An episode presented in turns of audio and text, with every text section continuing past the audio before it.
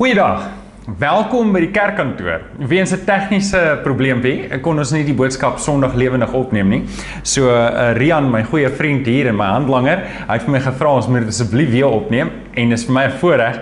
Is moeilik want nou preek ek net met 'n internet gehoor so ehm um, en jy kan nie vir my grappies lag nie. So ek gaan gaan bietjie moeilik wees om my grappies te vertel, maar ek gaan probeer in elk geval.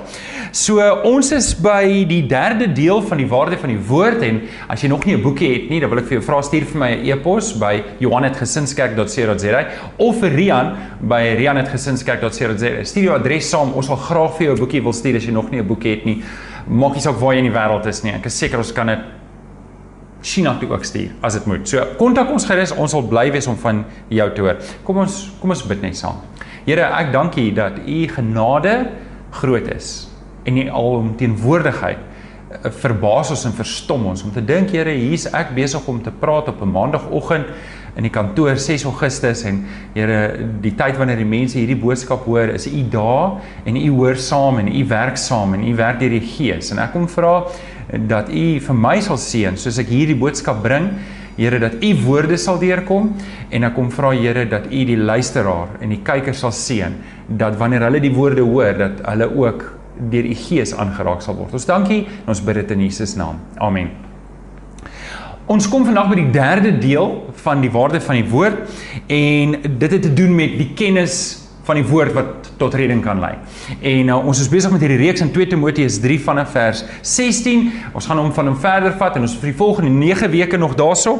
En uh, ons het die laaste twee dele sover gekyk. Die eerste deel was 'n inleiding om te sê hierdie is die woord van God, hierdie 66 boeke uh, wat in die Bybel is, dit bevat nie die woord van die Here nie, dit is die woord van die Here. Ek dink die moderne teologie het baie meer in die rigting begin beweeg om te sê iets soos ja, hierdie is mense woorde oor God. Hier is mense se stories oor God en um, ek, wil ek wil jou sterk aanmoedig om nie in te koop op daardie teologie nie, want daardie teologie doen skade, want dit wat dit doen is dit degradeer die Bybel in jou gedagtes en in jou gemoed net na mense woorde. En dit het ons by die tweede deel gebring wat um Alex oor gepraat het oor theopnestos. Hierdie woorde is deur God geïnspireer. En in jou Bybelstudie boekie sê jy gesien het daar's van hierdie dele wat meganies oorgedra is. Die Here het vir die profete presies woord vir woord gesê wat hulle moes neerskryf en ander was deur was deur dinamiese inspirasie. Die deur die Here deur die persoon se karakter, deur wie hy is, het hy aan die skryf gegaan. Dink aan Paulus wat vir Timoteus skryf en jy sien sy karakter daarin, maar dit maak dit nie minder God se woorde nie. So wat ek wil hê ek en jy moet huis toe vat is hierdie is God se woord. Dis nie woorde oor God van mense nie, maar dis God se woord presies neergeskryf soos wat ons dit moes skryf van die Here. Nou uh, vandag gaan ons verder na die derde deel soos reeds gesê en um, die tema op jou raamwerk is die woord gee vir ons kennis tot redding. En ons gaan 'n paar verse lees in 2 Timoteus 3 vanaf vers 14 tot 17 en dan wil ek ook net Romeine 10 vers 17 lees. So jy kan jou Bybel oopmaak by 2 Timoteus 3 vers 14 tot 17 wat ons tema teks is vir die reeks en dan ook Romeine 10 vers 17 wat by vandag se studie aansluit. En, en en vandag wil ek met jou praat hoekom dit belangrik is om die woord altyd byderhand te hou en in jou hart en in jou gedagtes en hoekom ek en jy die woord van die Here altyd behoort te deel. Nou ek dink ons het reeds gefestig in die eerste twee dele hoekom dit die woord van God is. So ek gaan van die verst, ver, ver, met die verstandhouding saam met jou verder dat jy aanvaar die Bybel as God se woord en ek wil net kyk wat se nut, wat se waarde het dit in jou lewe verder. So lees saam met my in 2 Timoteus 3 vanaf vers 14 en Paulus skryf aan Timoteus waarskynlik een van sy laaste briewe. Paulus weet reeds dat sy dood is vir hom voor die deur en um, en hierdie maak dit ook een van die ouer geskrifte in die Ou Testament en ag in die Nuwe Testament. En ons lees maar jy vers 14 Paulus sê vir Timoteus bly jy met wat jy geleer het en wat jy vasglo. Jy weet tog wie jou leermeesters was en jy ken van kleins af die heilige skrif. Dit kan jou die kennis bybring wat tot verlossing lei deur die geloof in die Here Jesus Christus. Die hele skrif is deur God geïnspireer en het groot waarde om in die waarheid te onderrig, dwaaling te bestry, verkeerdhede reg te stel en 'n regte lewenswyse te kweek, sodat die man, ek sê altyd by en die vrou wat in diens van God staan, volkome voorberei en toegerus sal wees vir elke goeie werk. Nou gaan ek net nog twee verse in hoofstuk 4 aan. Hy sê ek beveel jou voor God en voor Christus Christus Jesus wat die lewendes en die dooies sal oordeel. Ek beveel jou met die oog op die koms van sy koningskap, verkondig die woord, hou daarmee vol, tydig en ontydig, weerlê, bestraf, bemoedig deur met alle geduld onderrig te gee. Nou wil ek net daar stop. Dis die verse en dan miskien kan jy blaai jou vinger daar kan oopmaak by Romeine 10 vers 17 wat Paulus ook skryf en hy sê die geloof kom dus deur die prediking wat 'n mens hoor en die prediking wat ons hoor is die verkondiging van Christus wat ook die woord van die Here is. Nou oké. Okay. Uit die verse kan jy aflei dat ek vandag met jou bietjie wil praat oor die woord wat ons kennis kan gee wat tot redding lei. Nou Ek wil eers 'n bietjie teologies met jou praat en dan gaan ek jou aanmoedig en uitdaag en en en bemoedig. So die eerste 3 goedjies wat ek gou-gou wil afhandel is Op watter manier openbaar die Here homself aan ons? In wat op watter manier openbaar die Here homself aan die mens? Nou, daar's 3, daar's 3 basiese maniere en wanneer ek die woord openbaring gebruik, moet nou nie dink, weet wat se hoë woorde gebruik hy nou nie. Dis maar net die Here maak homself bekend aan die mens op 3 maniere. Nou as jy 'n papiertjie het, wil ek hê jy moet dit neerskryf iewers, want hierdie is belangrik. Die eerste manier hoe God homself aan ons en aan die mens openbaar is deur die Skepper. Wanneer ons na die skepping kyk, kan ons sien dat daar 'n skepperhand is. Ons kan sien dat daar 'n God moet wees. In Psalm 19 vers 2 sê Dawid: "Die hemel getuig van die mag van God, die uitspansel maak die werk van sy hande bekend." Dit is Dawid se woorde. Dawid sê: "Wanneer ek in die aand na die sterre kyk en ek sien al hierdie sterre, ek sien hierdie hemelgewelf en al hierdie hemelliggame, dan kan ek mos nie anders as om tot die slotsom te kom dat daar 'n skepper is nie. Hierdie goed kan tog nie per ongeluk gebeur het nie. Hierdie goed kan tog nie eh, net by kans gebeur het nie. Hier moet hier moet iemand intelligent wees. Hier moet 'n skepperhand wees, 'n almagtige God wat al hierdie goeters gemaak het. So 'n paar vry daar terug en ek weet nie wanneer jy hierdie kyk nie, dalk is dit nog langer terug, was daar 'n bloedmaan. En verstom my altyd, ek weet nie hulle het oor die nuus gesê, ek weet nie in elke hoeveel 100 jaar gebeur het so ene nie. Um dit was ek dink een iets in elke 300 jaar of so en ek het nogal gedink uh, vir my vrou sê, moet ons hierdie ene kyk of moet ons wag vir die volgende ene?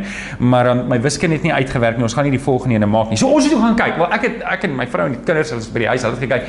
En en ek het gaan lê gaan kyk en dit was my fenomenaal om dit te sien. En ons was 'n rukkie terug op vakansie en uh, ons het vir elkeen 'n verkyker gekoop um vir die wild en en ek tog ek wil net kyk met die verkyker en wat my verstom het, want daar's soveel ligbesoedeling en daar's lugbesoedeling en ligbesoedeling. In die Kaap is al van beide, maar daar's soveel stadslig dat die sterre verdonker word. En toe ek my verkyker vat, dis sien ek daar's nog sterre wat ek nie gesien het net met die blote oog nie.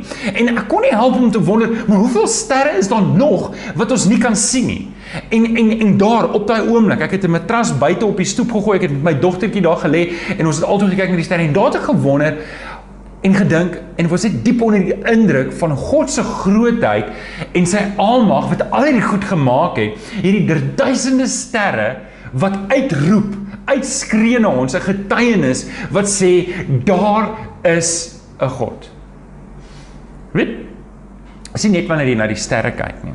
En voordat ons verder gaan, ek dalk net daar's 'n wetenskaplike wat geleef het en ek weet nie of hy 'n kind van die Here was of nie, maar ehm um, Sir Isaac Newton, ek moet hom seker Sir noem want hy's 'n goeie wetenskaplike. Sir Isaac Newton het gesê, "The most beautiful system of the sun, planets and comets could only proceed from the counsel and dominion of an intelligent, powerful being." En dis ons God. Dit is my wonderlik as 'n wetenskaplike van sy kaliber kan sê, maar as ek na al hierdie goeie kyk, kan ek nie anders as om tot die konklusie te kom dat daar 'n God moet wees nie. Maar ek wil verder gaan. Dis nie net dis nie net die sterre nie. Dis nie net die planete nie. Dis nie net wanneer ek in die aand kyk en ek kyk op bloedmaan en ek kyk oor al die goed nie. Dis ook wanneer ek na die aarde kyk. Dis wanneer ek na die diere kyk. In Job 12 vers 7 tot 9 lees ons, "Miskien en en dis die Here wat met Job praat. Jy sal nou Job het alles verloor in Job 1, um en en en en en hy kom en hy kom argumenteer met die Here en hy het hierdie hy redeneer met die Here en nou Job is op 'n seer plek en en op 'n stadium sê die Here vir hom, "Wag, moenie met my praat nie. Gaan na die diere toe. Gaan praat met die met die aarde." En en, en dis wat ons hier lees in Job 12 vers 7 tot 9. Miskien moet jy die diere vra om jou te leer. Die voëls daarbo om jou te vertel of praat met die aarde dat dit jou leer met die visse in die see dat hulle jou sê Wie van hulle weet nie almal dat die hand van die Here alles gemaak het nie. Nou, um as ek en jy met die diere gaan praat dan eh, en ek en jy kan saam sê Job het nie 'n spesiale gawe van interpretasie gehad dat as hy met 'n mossie gaan praat en hy praat met die mossie en hy vra vir die mossie, mossie wie het jou gemaak dan? Tjip tjip tjip chap chap chap chap chap en dan sê o, die mossie sê die Here het hom gemaak nie. En dit laat my nou dink aan 'n ou grappietjie wat ons gehoor het. Wat sê 'n 2 ton mossie? Net wat hy wil. OK, dis nou 'n flou grappie. Weer. Maar Job kon nie verstaan net wat die diere sê nie. Hy hy, hy kon die geluide hoor, maar hy kon nie verstaan wat hulle sê nie. En dis nie wat die Here wil hê. Die Here wil nie hê hy moet hoor wat hulle sê nie. Hy moet na hulle kyk en die getuienis van die skepping, van die aarde, van die diere. As jy daar by God's window staan en jy kyk uit en jy sien vir kilometers en kilometers en en jy en, en dan kom jy onder die indruk daar moet 'n God wees. Daar moet iemand wees wat dit alles gemaak het sien en dit verstom my dat jy na al hierdie goeders kyk en en en en mense ontken nog steeds dat God bestaan. Hulle wil glo dat al hierdie goeders het net per ongeluk gebeur. Terwyl ek en jy vir mekaar sê wanneer ek na die sterre kyk, wanneer ek aarde kyk, wanneer ek na al hierdie dinge kyk, weet ek dat daar 'n God is. Is daar een probleem wat hierdie openbaring het? Hierdie manier hoe God hom bekend maak aan ons, is is wonderlik. Dit sê vir ons daar moet 'n God wees, maar die skepping het 'n tekort. Dit kan nie vir ons sê wie die God is nie. Dit kan vir ons sê dat daar 'n God is, maar dit kan nie vir ons sê wie die God is. Dit kan nie vir ons vertel dat daar is 'n God, die Vader wat in die hemel is, wat lief is vir my en jou. So lief Johannes 3 vers 16 dat hy sy eniggebore seun gestuur het om aarde te kom om te leef, gehoorsaam te wees aan hom, aan die kruis te sterf vir my en jou in my en jou plek, sodat wanneer ek en jou hom aanneem, Johannes 1 vers 12, ons nie verlore hoef te gaan nie. Dit vertel ons nie van die kruis nie. Dit vertel ons nie van God se alomteenwoordigheid nie. Dit vertel ons dat daar 'n God is, maar dit vertel ons nie wie hierdie God is nie. So, ek wil net hê jy moet dit in gedagte hou. So die eerste manier hoe die Here ons bekend maak is is deur sy skepping. Maar ons kan nie tot die slotsom van die evangelie kom as ons na die skepping kyk nie. Dit bring ons by die tweede ene. Die tweede manier hoe die Here homself bekend maak, is hy openbaar homself en dis 'n baie interessante een in ons gewete. Hy openbaar homself aan ons in ons gewete. En Paulus sê dit in Romeine 2 vers 14 tot 15. Hy sê wanneer heidene, dis nou mense wat nie glo nie, mag hulle ateëste wees, mag hulle mense wees wat in ander gode glo, vir wat dit ook al mag wees. Wanneer heidene wat nie die wet het nie, tog van self dinge doen wat die wet vereis, is hulle vir hulle self 'n wet, al het hulle geen wet nie. En nou kom vers 15. Die optrede van sulke mense bewys dat die eise van die wet in hulle harte geskrywe staan. Wat 'n interessante vers. Die wette is in hulle harte geskrywe. Nou wil ek vir jou gou-gou vra, aan wie behoort die wet? Wie het die wet vir Moses gegee? God het die het die wet vir Moses gegee. Nou gaan ek jou vra, jy moet nou vir my sê 1, 2 of 3. Wie sou die wet op hulle hart skryf? Sou die mens die wet op hulle hart skryf? Sou die duiwel die wet op hulle hart skryf of sou God die wet op hulle hart skryf? Natuurlik is dit voor die hand lig en die duiwel sê dit nie doen nie want hy wil nie ons moet God gehoorsaam nie. En die mens sal dit nie doen nie. Mens kan in homself nie dit doen nie. So met ander woorde, hierdie gaping wat ons in ons het, hierdie leemte wat ons in ons het, hierdie strewe na 'n morele waarde sien, ek is mens en is 'n sondaar en ek is verlore en Romeine 3 maak dit duidelik ek is tot niks goeds in staat nie, maar tog het ek 'n morele kompas binne in my. Hy's dalk gebreek, maar hy's binne in my. En wanneer ek iets verkeerd doen, al kan ek myself nie help nie, al sukkel ek wanneer ek die goeie wil doen dan val ek altyd na die slegte as sondaar. En ek loop altyd hierdie verkeerde pad. En ek en ek weet dit. Tog weet ek dis die verkeerde pad. Ek doen nie verkeerd en dink o, maar dis seker reg nie. Ek doen dit en ek weet dis verkeerd. Hoekom? Want God het in my hart 'n bewussyn gemaak dat hy bestaan en ek gaan verantwoording moet doen aan aan 'n wese, aan 'n God. En ek weet maar die Here het my gemaak vir meer as dit en tog is my ge, is ek gebroken en ek stik in. En en dis wat ateïsme so moeilik maak.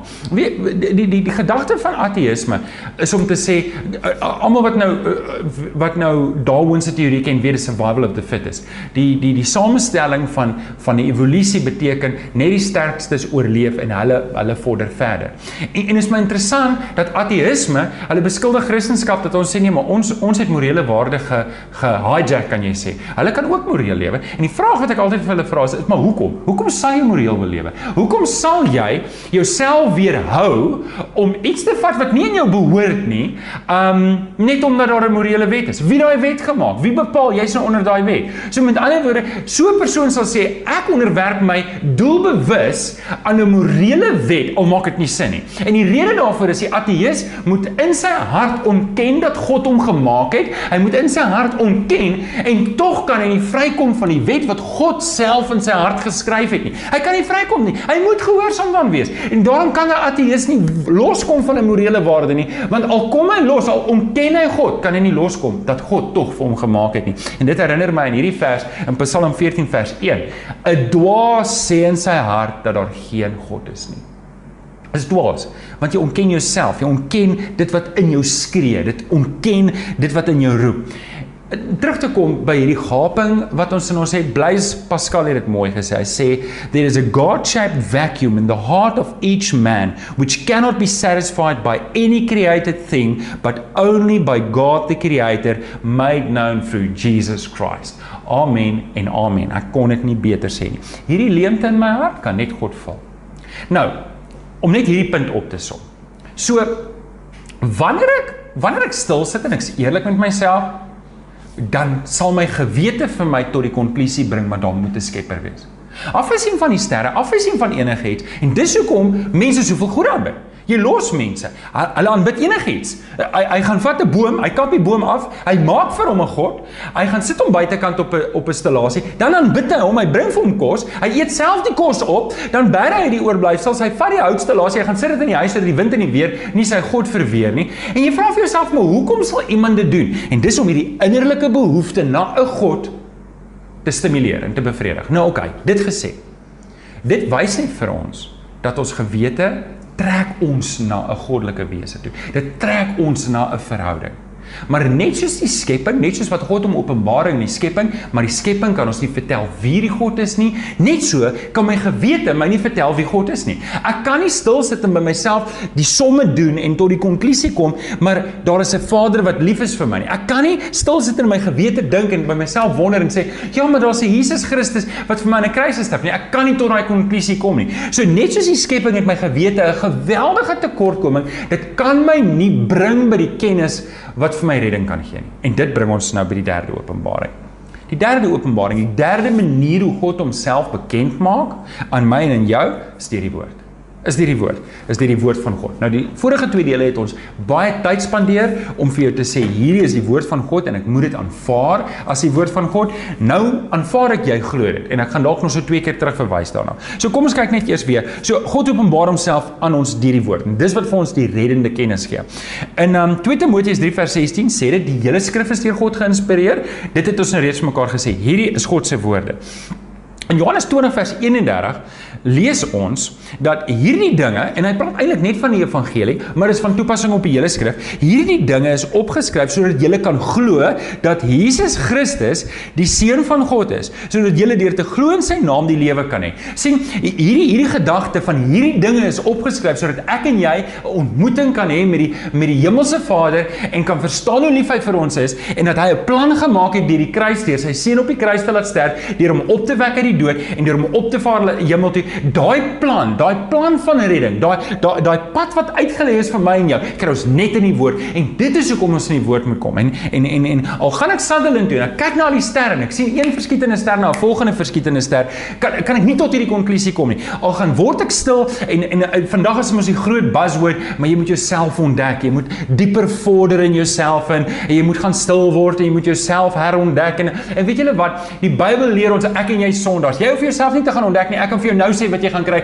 Jy gaan 'n sondaar kry wat niks te doen wil hê met die Here en en sy heilige pad wil volg nie. Dis wat jy gaan kry daar. Moenie dieper gaan nie. Daar's een plek waar jy moet gaan. Jy moenie dieper in jouself gaan nie. Jy moet na God soek. Hebreërs 11 vers 6. Ons moet na hom soek want hy beloon die wat na hom soek. So moenie moenie moenie jouself soek nie. As jy jou as as jy die Here kry, dan gaan jy in elk geval kruisig wat jy daar gevind het. Jy hoef dit nie te kry nie. Bly weg daarvan. Gaan soek die Here. Hardloop na hom, soek hom, gryp hom aan. Nou ek wil ek wil vir jou sê hoe moet ons reageer op hierdie derde openbaring.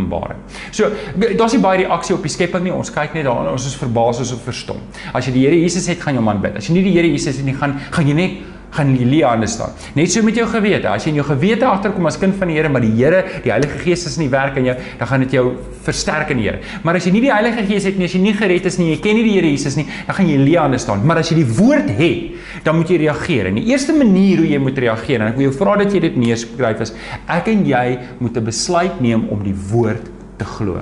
Ek en jy moet 'n besluit neem om die woord te glo. Hebreërs 11 vers 6 ek het daarna verwys sê as 'n mens nie glo nie, is dit onmoontlik om te doen wat God wil. As ek nie dit glo nie, kan ek nie gehoorsaam wees daarin nie. As ek nie glo dat die woord van die Here is nie, hoe gaan ek dit volg? Hoekom sal ek dit volg? Ek sal dit nie volg nie. Dit maak nie sin om dit te volg nie. So dis die eerste stap wat ek moet doen is ek moet glo hierdie is die woord van God en ek moet sy woorde glo.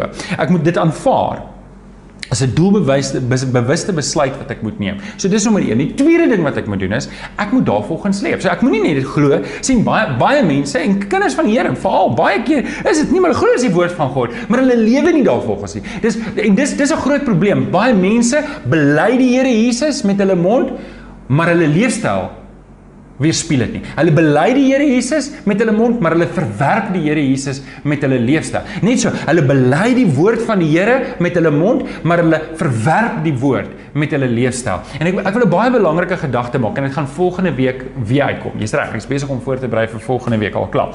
Um hierdie sterk gedagte van jy kan nie die Here Jesus aanneem en nie sy woord aanneem nie. As jy die Here Jesus aanneem, neem jy die woord aan. As jy die woord aanneem, neem jy die Here Jesus aan. As jy die woord van die Here verwerp, dan verwerp jy die Here Jesus. En en ek wil dit net prakties maak. Baie keer lees ons die Bybel en sê, "Ag, ah, hierdie is mooi verse. Ek deel dit op WhatsApp. Ooh, ek smal hierdie verse. Dit gaan Facebook toe. Ooh, hierdie verse, dit praat nou te persoonlik. Ek hou nie daarvan nie. Ek gaan maar net verby blaai. Ooh, hierdie verse. Ja, dis weer 'n mooi vers. Dit moet WhatsApp toe gaan. Hierdie een op Facebook toe.